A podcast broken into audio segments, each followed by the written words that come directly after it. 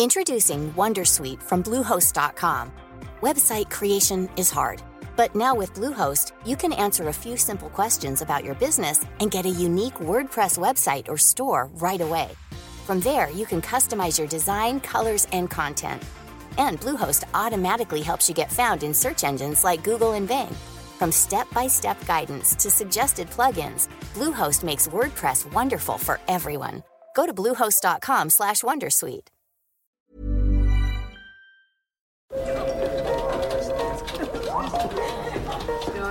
Dette er lyden av norsk næringsliv. Akkurat nå tas det små og store valg som kan bli avgjørende for fremtiden. Med økonomisystemet X-Leger tas disse beslutningene basert på informasjon i sanntid, slik at drømmer og ambisjoner kan bli virkelighet. Få kontroll og oversikt, gå inn på xledger.no. Denne sendingen er sponset av Xleger.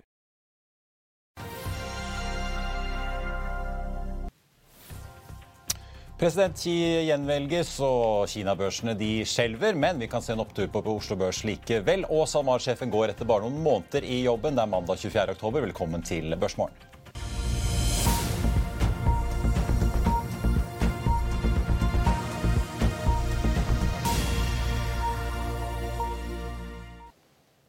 Riktig god morgen og velkommen til oss i Finansavisen. Mitt navn er Marius Lorentzen, og med meg har jeg aksjekommentator Karl Johan Målnes. Vi skal straks få med oss investeringsdirektør Pål Ringholm. Men først la oss ta en titt på markedet. DNB Markets venter at Oslo Børs tikker opp over 0,9% nå fra start. Nordnetts Roger Berntsen ligger inne med et estimat på 0,6% på OBX-indeksen. Og som han påpeker, det skjer altså etter at man på fredag så Wall Street stiger ganske kraftig. Dow Jones ledet oppgangen med 2,5 opp, tett etterfulgt av SMP 500 som endte opp 2,4, med Nasdaq-indeksen opp 2,3 da på ukens siste handledag. Og etter en kraftig oppgang vi så på starten av uken, så ga det da en positiv oppgang samlet sett. Totalt sett snakker vi nærmere om 5% Blant vinnerne Caterpillar opp 6,1% på fredag. JP Morgan og Goldman Sachs også veldig solide. 5,3 og 4,6% på de to, som jo begge med, har, har kommet med kvartalstallene sine de siste dagene. I Asia er det surt deler av regionen, får vi si. Aller mest Kina. Mer om det straks, der altså Hang Seng-indeksen i Hongkong er ned over 5% nå. Nordsjøoljen ligger ned 0,9% til 92,55. Den amerikanske lettoljen ned drøye prosenten til litt over 84 dollar fatet.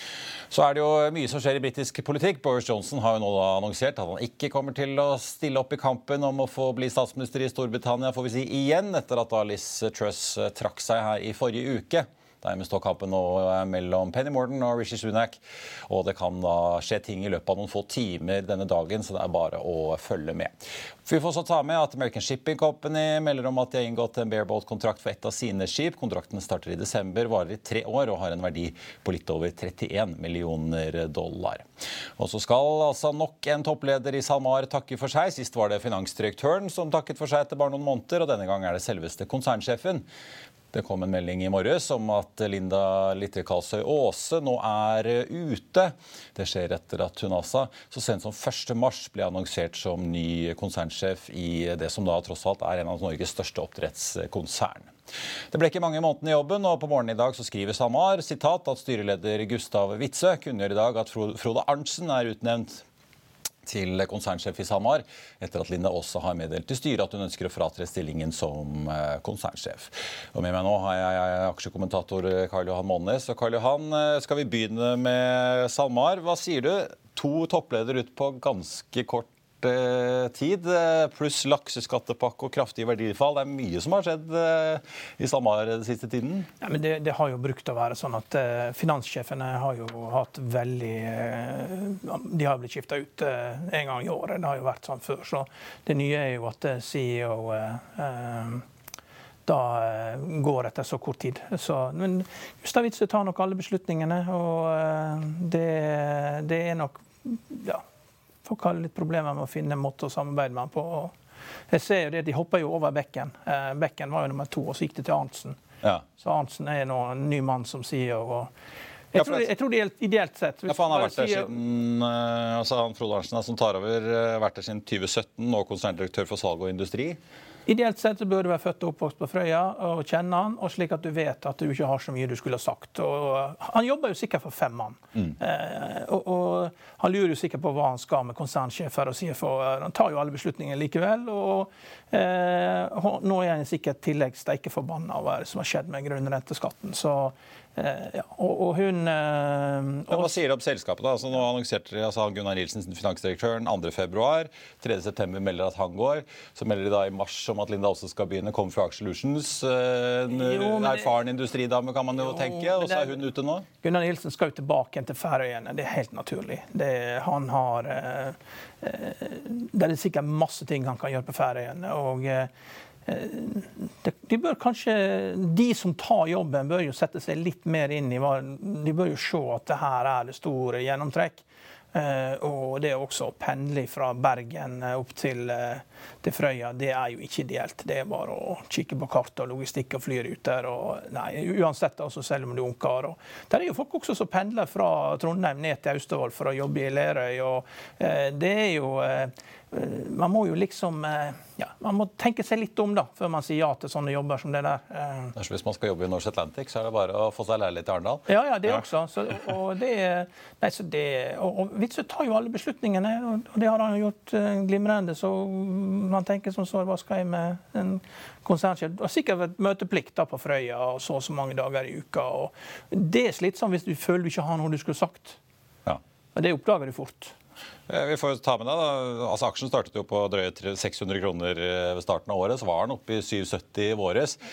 Falt da ned 5,45 før skattepakken, eh, og nå er den nede på 3,15. Så den faktisk åpner opp en halv prosent i dag til 3,17. Det har jo vært et ganske dramatisk kursfall, selvfølgelig aller mest takket være skattepakken. Ja, og det er jo, det blir mest rammet av det. Mest produksjon i Norge, ikke sant. Så, ja. Men det, de står an av. Vi får uh, følge med. For øvrig da SalMar og sjømatindeksen som sådan uh, opp uh, ja, enda litt mer nå, faktisk. SalMar opp 0,8% Hovedindeksen på Oslo Børs Unnskyld, sjømatindeksen på Oslo Børs er da opp 0,9 på en hovedindeks som altså er så vidt i ja, nå var litt grann ned. Nå ligger den i null på 1131 poeng. Vi skal ta med dagens gjest og er tilbake rett etter dette. La oss i Finansavisen hjelpe deg med å holde deg oppdatert på alt som skjer i finans og næringsliv. Hver morgen er jeg, Marius Lorentzen, og aksjekommentator Karl Johan Molnes på plass i studio for å ta tempen på dagens marked i Børsmorgen. På ettermiddagen oppsummerer vi alt du trenger å vite i økonominyhetene, og så får vi selvfølgelig besøk av masse interessante gjester. Du finner oss på fa.no-tv, eller ved å søke opp Børsmorgen og Økonominyhetene der du hører på podkast.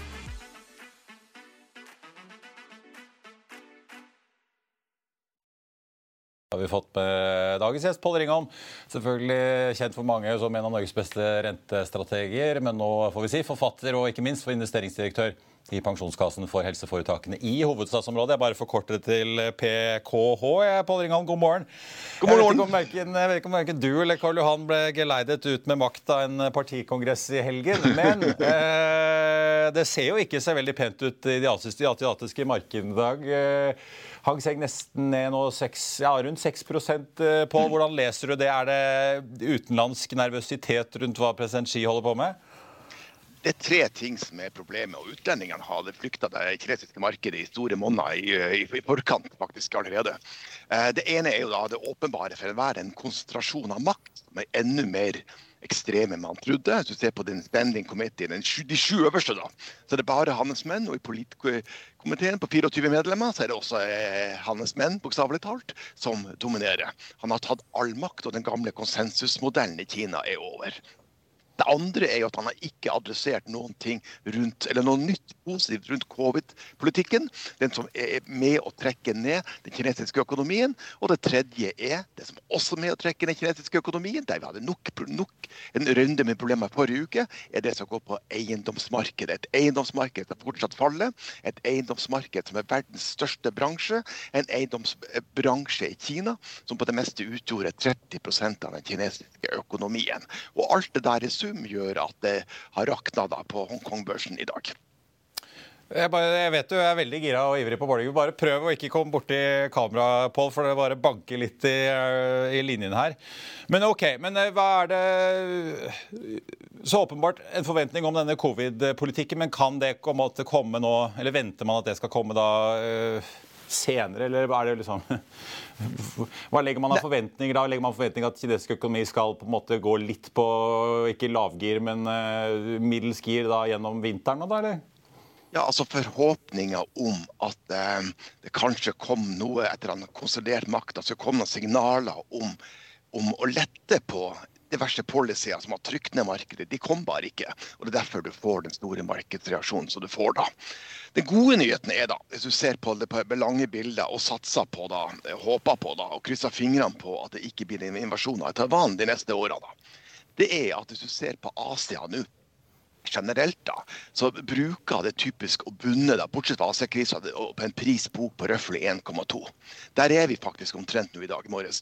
Så Det er den kjempenyheten at ting faller, eh, at ting er blitt billig, til glede for den langsiktige investor. Og så Karl så fikk vi jo holdt jeg på å si, endelig de forsinkede BNP-tallene fra Kina på morgenkvisten. Endte på 3,9% i tredje kvartal mot vente 3-4. Men som eh, vår kollega Christer Teigen påpeker i, i, morgenbrevet sitt, eh, mer interessant var det at oljeimporten uh, var ned 2% på ja. årsbasis?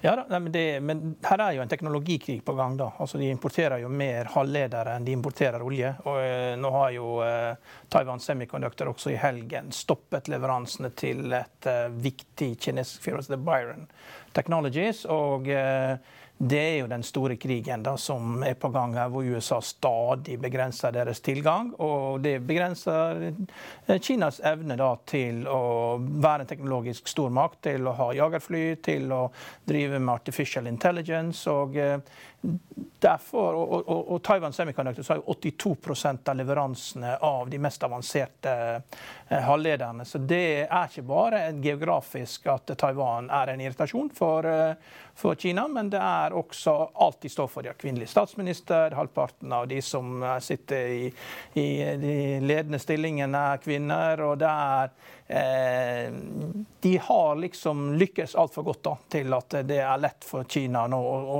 å, være på nedgang der de ser hvor godt Taiwan gjør det. Og, og de har den mest avanserte teknologien som de mangler. Paul, eh, nå er det jo alltid litt sånn tvil rundt disse makrotallene fra Kina. fordi Folk vet jo ikke helt om de kan stole på og faktisk eh, kommer ut derfra. Men isolert sett en BNP-vekst som var høyere enn ventet, det er vel strengt tatt gode nyheter? Ja, Det var sånn mixed bag. da, for det, det, Du har rett at én ting er hvis vi kan stole på BNP-tallene, så litt bedre enn man kanskje kunne frykte, da, men ikke på langt nær bra nok. Men generelt i verden eh, så er det sånn at, eh, det har vært litt min sånn tese gjennom året at vi, vi, går mot en sånn trippel resesjon. Mest sannsynlig. jeg vet ikke helt. Og Det betyr både Kina, og det ser sånn ut, for det eiendomsmarkedet trekker så mye ned. Eh, Europa, Tsjekkia det er ikke mer å prate om der. Og så er det spørsmålet igjen i USA om de kommer etter. Det er ikke helt i boksen, jeg tror det er det. Men eh, det er det, så en global nedtur, med også ved hjelp av Kina, det er det vi er, eh, har påstarta. Det er det store. Snakk litt om det. Vi ser jo i USA eh, hvordan aksjemarkedet Det var jo noen gode oppturer forrige uke, men eh, vi ser jo hvordan eh, tikkende statsrenter som går oppover, stadig spenner bein over aksjemarkedet. Nå ligger tiåringen i USA på en 4,15, ja, 4,43 på toåringen. Som du peker på, tolv uker med oppgang nå på rad? Ja, dette her er den lengstvarende oppgangen i lange amerikanske markeder noensinne i moderne tid. Det er det som har skjedd de siste da, Eh, det, blir den, det her blir den tolvte uka eventuelt. da, 12, 12 uker, ikke sant? Det har aldri vært en sånn at det går opp og opp og opp, og opp, og så vedvarer lenge. Og Jeg tok bare charta det, jeg skulle nesten ha delt grafen med dere her, men det, da hadde det blitt sterke scener, så vi skal ikke gjøre det. Men det tar da, tar da Litt kraftig kost på morgenen? Ja, ja litt, litt for tidlig ennå. Jeg kan heller legge på Twitter-kontoen min. Eh, du tar tiåringer og så sammenligner du det med, med dividendegilden på la oss si SNP 500, da, så er den differansen her i, i dag morges da, var på 2,1. Hva er det for noe? Jo, du får over 2% mer rente med å kjøpe da eh, amerikanske rente. Er det høyt? Ja, det er det høyeste det har vært siden, siden 2008. da, ikke sant? Eh, så det, har vært, den, den, det, det, er klart, det er sånn, er sånn praktisk da, så er det sånn at når du får den kraftige reprisinga du gjør i, rentemarkedet, så er alternativkostnaden med å putte penger i risk er, er endra. Når det er sagt, da, så, er det, så, går vi jo inn i det kvartalet nå der typisk sesongmessig det kan gå bra i aksjer. Så, så, så, det å spå på kort sikt skal vi være forsiktig med det. Og det som er bra det som er bra i løpet av året, da, det er tross alt, akkurat som jeg nevnte emerging market i stad, at det har falt såpass bra i mange markeder, ikke minst i rentemarkedet, som har hatt den største smelt siden 1788, at det bunner faktisk for en langsiktig investor å bli velge å investere mange, i, i mange typer risikokategorier. Ser du noe, altså vi, Apropos disse britiske statsministrene som kommer og går. Grunnen til at Liz Truss måtte jo gå etter finansministeren hennes, var jo nettopp pga den finansielle uroen som, blant annet, som de klarte å skape der borte. Men ser du noe tegn til eh, på en måte eh, mer stressete markedssituasjoner i rentemarkedet, sånn som vi så da Bank of England måtte inn og intervenere? Mm. Ja, to ting. Det ene er at det har det, vet, du hvor dårlig, hvor svakt det har gått med denne bananvalutaen eh, pund i år? Den har faktisk svekka seg like mye som norske kroner. Så mye har den svekka seg. Så, så gærent er det. Én um, ting eh, har dobbelt interesse også for den å jobbe i pensjonsbransjen sjøl. Det er at hvis du tar for det første da eh, Nå skal vi tenke på hva som kan skje, men det ikke må skje. ikke sant? Eh, hvilket land er det som har størst pensjon ute, altså privat pensjon ute i prosent av BNP? Vel, England hadde ca. 115% så det var veldig mye. Norge har veldig lite, så det, Norge er ikke fare. Men der, der, de har veldig mye over 200% av det er i Nederland. Så, eh, så, noe vi kan ha i bakhodet, det er at hvis renta og klart Nå skal jo ECB øke renta bare en, uke her, 75 punkter. Går opp med et par prosentpoeng, så kan du få såkalt marginkrav. Altså at banken, banken ringer deg, sender deg litt mail og sier at eh, takk for et hyggelig samarbeid, men du må betale inn og når det gjelder nederlandske pensjonskasser, over 80 milliarder euro i, i ekstra collateral, ekstra sikkerhet. Noe sånt kan muligens skje. Altså hvis, hvis, vi skal følge med om det kan komme noen sånn sekundæreffekt av at økonomi Investorer har tilpassa seg altfor lenge en kunstig lav rente som aldri burde vært null. Men, men, er ikke pensjonskassene bedre stilt ved at rentene går opp i 5 altså det er jo, det er jo eh, Forpliktelsene synker jo på andre siden av balansen. Det er jo bare for myndighetene å oppheve midlertidig det, disse kravene. Og, eh, Hva som ble for underregnet når det var inne på. Man må bare ja. slutte å kreve ja. mark to market. Man må bare la de bokføre til forfall. Det skjedde jo med bankene i 2009 at man gikk inn. Altså, ellers hadde jo bankene gått konkurs. Så det er jo et eller annet sånt vil jo skje. Nederlenderne er jo veldig sofistikerte på finans. og ikke, ikke, ikke uenig i det. Jeg, jeg, prøvde bare å skissere ja. hva som kan skje. Men, men bare um, uh, Da måtte jo i så fall noen fortelle bankene at de må slutte å få ekstra, kreve ekstra sikkerhet. Noen, noen må ta en rød telefon inn til dem, da, hvis, hvis noe sånt skulle skje. da. Men når det skjedde, eller det første du sier, ja, ja, det er jo fantastiske nyheter for oss altså, at renta går opp. Det er jo deilig. Med mer avkastning og forpliktelser mindre verdt. Men det er så utrolig smertefullt i den mellomliggende perioden. Ja. ja. Ja, er, Man skal ikke se bort fra at en eller annen skarp journalist spør eh, ECB-presidenten eh, på torsdag om eh, det er noe press på likviditeten eller finansielle stabiliteten i nederlandske pensjonskasser. Men til slutt, Pål. Altså, mange snakker jo veldig mye om den inverterte rentekurven. og ligger toåringen på godt over tiåringen har gjort det en stund nå. Hvis du setter det litt sånn historisk perspektiv hva, hva, bør vi se etter? Eh, Nei, altså, det, det er, er, hver gang, altså, Husk på det, du, du, må aldri spørre en økonom om det blir økonomisk nedtur. Du får vanvittige svar som du ikke kan bruke til noen ting som helst. Du skal spørre, og det står det om i boka, du skal spørre rentemarkedet. Og det blir invitert for Gud og enhver lenge, lenge siden. Eh, og når det skjer, så er det en, to ting som er garantert. Én, resesjon kommer. Eller tre ting garantert. To, det tar litt tid. Og det tredje, at en haug med folk vil fortelle underveis at resesjonen ikke kommer, men de tar feil. Mm. Re eh, eh, resesjon kommer, eh, og, og, det, og, renta som nå har vært på et sted den aldri burde vært, spiller seg ut. Og det kan i verste fall også gi mer systemkonsekvenser, sånn som i Sverige, der vi nå har et eiendomsmarked som nå faller sterkt. Vi får se. Men da er det da at ja, toåringen går ned under tiåringen, som gjør at du puster lettet ut, eller? Nei, altså At kurven er invitert, det har skjedd for lenge siden. Altså, det, er på en måte, det, det, det var given at, at det ble Ja, ja. Så, det, så det har det vært hele året. da. Så jeg sier igjen, Det gode nyheten er at det har falt, mye har falt såpass mye at det begynner å bli attraktivt å kjøpe det. Det er kjempenyheter. Pål Ringholm. Jeg, har- jeg har et ja. spørsmål til. Men først må vi jo gratulere med en god bok, 'Rik på gjeld'. Pål har vært her i studio og sagt det. tusen. Ja, men, altså, Han har fått Nå er, allerede. nå er det snart jul, ikke sant? Og vi selger ut her nå, 'Rik på gjeld'. der er, Jeg eh, vet, jeg vet hva jeg får av Karl Johan til jul, i hvert fall. Dette er en god bok, da, og morsom i tillegg. Og eh, Jeg likte jo det poenget hvorfor, må, skal, eh, hvorfor de holder statsobligasjoner og ikke corporate debt. Det er jo fordi at statsobligasjoner alltid er likvide. Da kan man selge ut av statsobligasjonene og, og kjøpe aksjer for det. da. Men det, det store spørsmålet er jo det, nå begynner det å komme en del eh, aggressive økonomer her, som Russell Napier og sånn, og sier det at uh, inflasjon kommer ikke ned til 2% Det blir 4-6 og uh, det er akkurat det vi trenger for å få ned gjelden som vi har i samfunnet. Og beklager, sånn er det. Vi må bare tilpasse oss dette her. Renten blir, dette er den nye normalrenten. Hva sier du til det når du hører sånne ting? Um, flott. altså det, det jeg liker å gjøre analysemessig, det er når, når folk påstår noe, da, så det er å gå tilbake og se på historikk og se om det kan stemme. Så når det kommer økonomer som sier at uten problem skal, skal inflasjonen da ned til 2 igjen, da, nei, så la oss gå tilbake i historikken. Så ser vi på alt data i utvikla land siden andre verdenskrig. Hvor ofte er det at inflasjon kommer etter hvert over 5% kommer ned, en, kommer, kommer ned under 2? Det kommer til 2 Vel, det skjer i 1,6 av tilfellene. La oss runde opp i hvert 50. gang. Så det er mest sannsynlig, basert på historikk, superenkel forskning i tillegg, at inflasjon kommer til å være mer elevert enn de prognosemakerne tror. Enig. Veldig bra.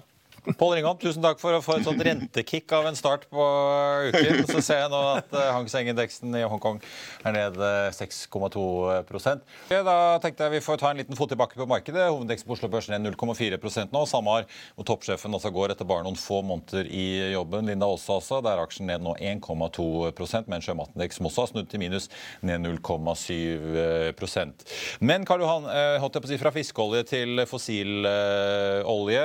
Det var jo en investordag eh, i regi av Finansavisen her på eh, torsdag. Øystein Strauss Betalen var jo i slaget sammen med Harald Moreus Hansen. Han hadde ikke mye til overs for Tesla og var fortsatt eh, bull olje, selv om vi har sett oljeprisen falle fra 120-30 på det verste vel, og ned til eh, 90, par og 90 nå.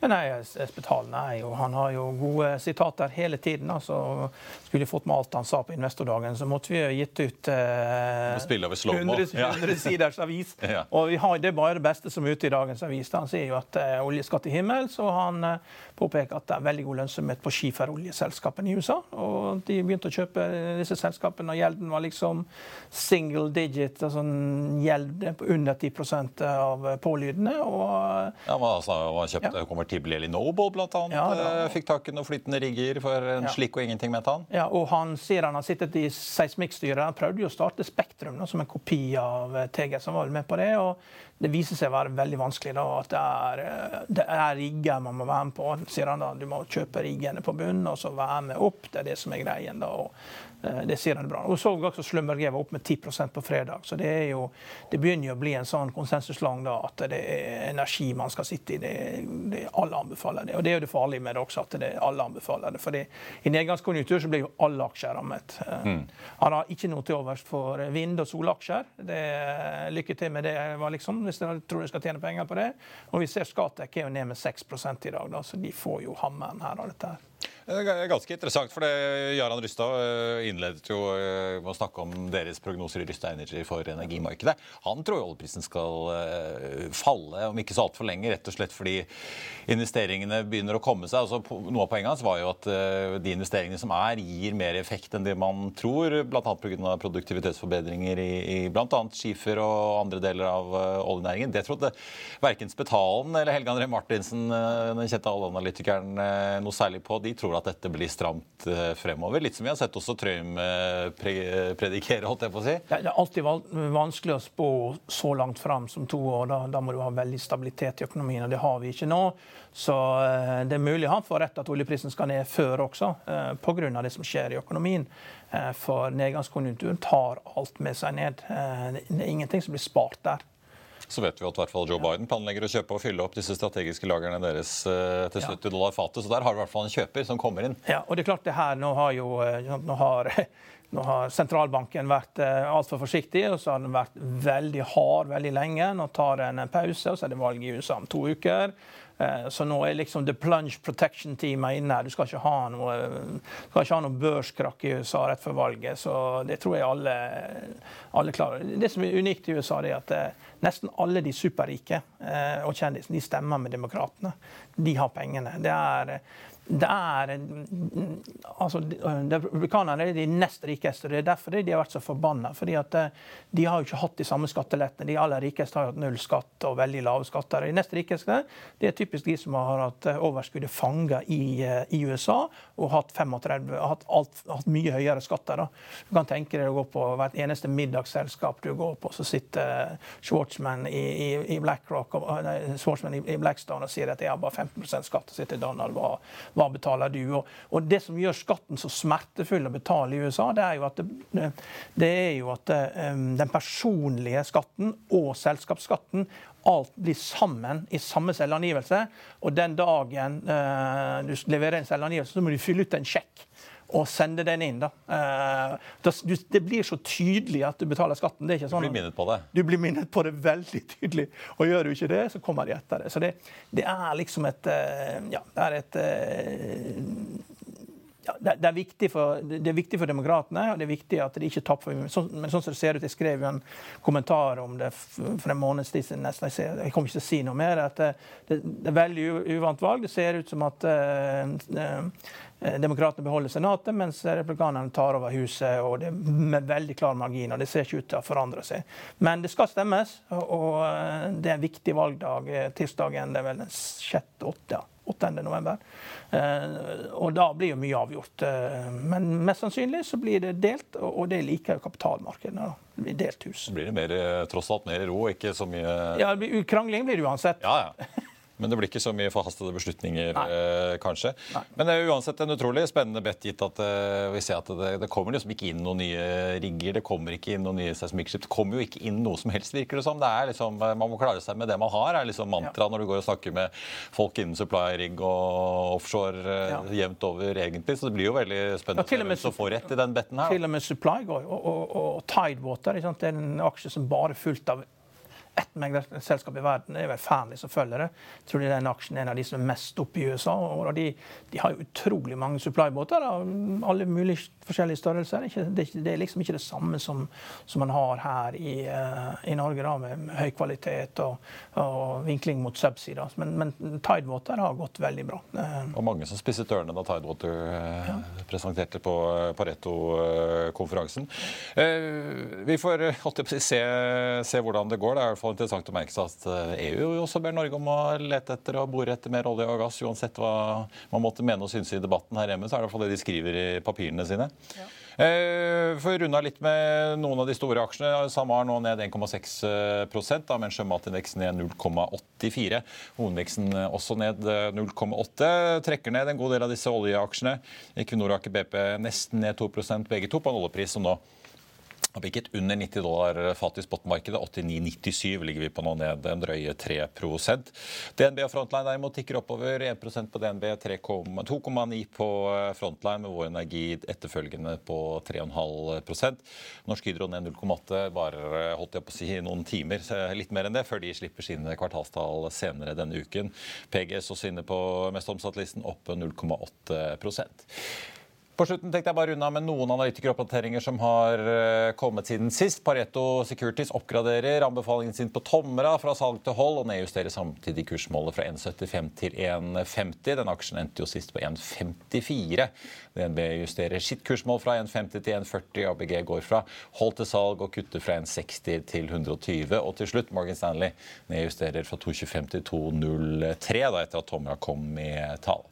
På Sats, som snart skal ha kapitalmarkeds handelsdag så tar Carnegie og kursmålet fra 13 til 7 kroner, gjentar hold. Aksjen ble sist omsatt for 7,5. Så får vi også ta med Yara. da. Gjødselgiganten slapp jo sine tall her i forrige uke og kom også med nyheter om et ekstraordinært utbytte. ABG jekker opp kursmålet fra 450 til 500 i kjøp. Den aksjen endte fredag på 457. Og så har vi Borregaard, hvor ABG kutter kursmålet fra 1,95 til 1,55 Gjentakjøp. Den endte sist på 1,39.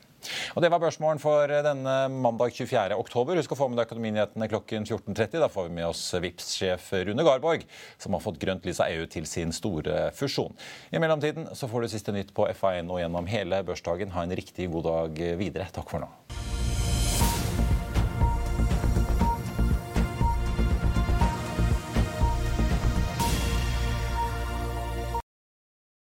Denne sendingen er sponset av Xleger.